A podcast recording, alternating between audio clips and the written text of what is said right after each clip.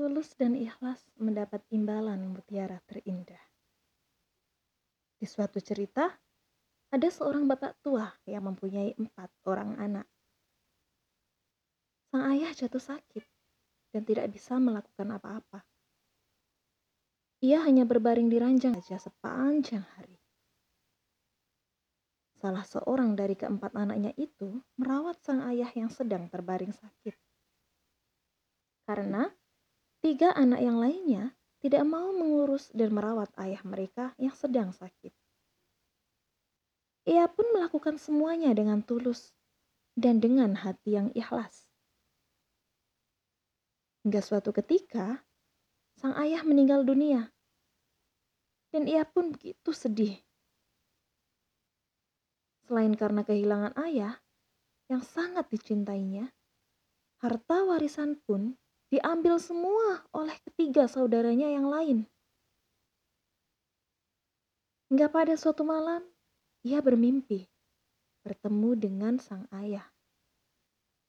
Di dalam mimpinya, sang ayah menyuruhnya untuk pergi ke suatu tempat. Di tempat itu, ada uang dengan jumlah 100 dinar. Dan pada pagi harinya, ia pun menceritakan mimpinya itu kepada sang istri, yang langsung menyarankan agar ia mendatangi tempat itu. Namun ia tidak mau. Pada malam berikutnya, ia bermimpi lagi dengan mimpi yang sama persis seperti malam sebelumnya. Namun ia tetap tidak mau mendatangi tempat yang disebut dalam mimpinya. Kemudian di malam yang ketiga berikutnya, ia bermimpi lagi dengan mimpi yang sama. Dan akhirnya ia pun pergi ke tempat yang disebutkan oleh sang ayah di dalam mimpinya itu untuk mengambil uang sejumlah 100 dirham.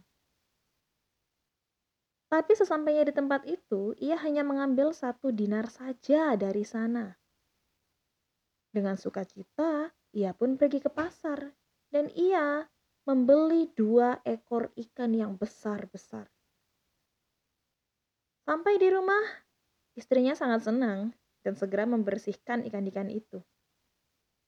Dan betapa terkejutnya istrinya ketika membelah perut ikan, terdapat dua buah mutiara yang paling indah dari yang pernah ia lihat selama hidupnya.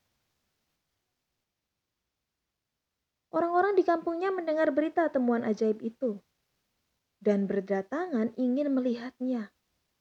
Dan pada akhirnya, berita ini pun sampai ke telinga raja. Ketika raja melihat mutiara yang menjadi pembicaraan ramai di masyarakat, ia sangat terpesona akan keindahan mutiara itu. Dan diturkarkanlah dua mutiara indah itu dengan uang emas yang banyak sekali jumlahnya. Jadi dari cerita ini kita harus uh, melakukan perbuatan baik dengan hati yang ikhlas tanpa mengharapkan imbalan. Kenapa? Karena Allah akan menyukai dan akan membalas perbuatan kita di suatu saat yang tidak terduga.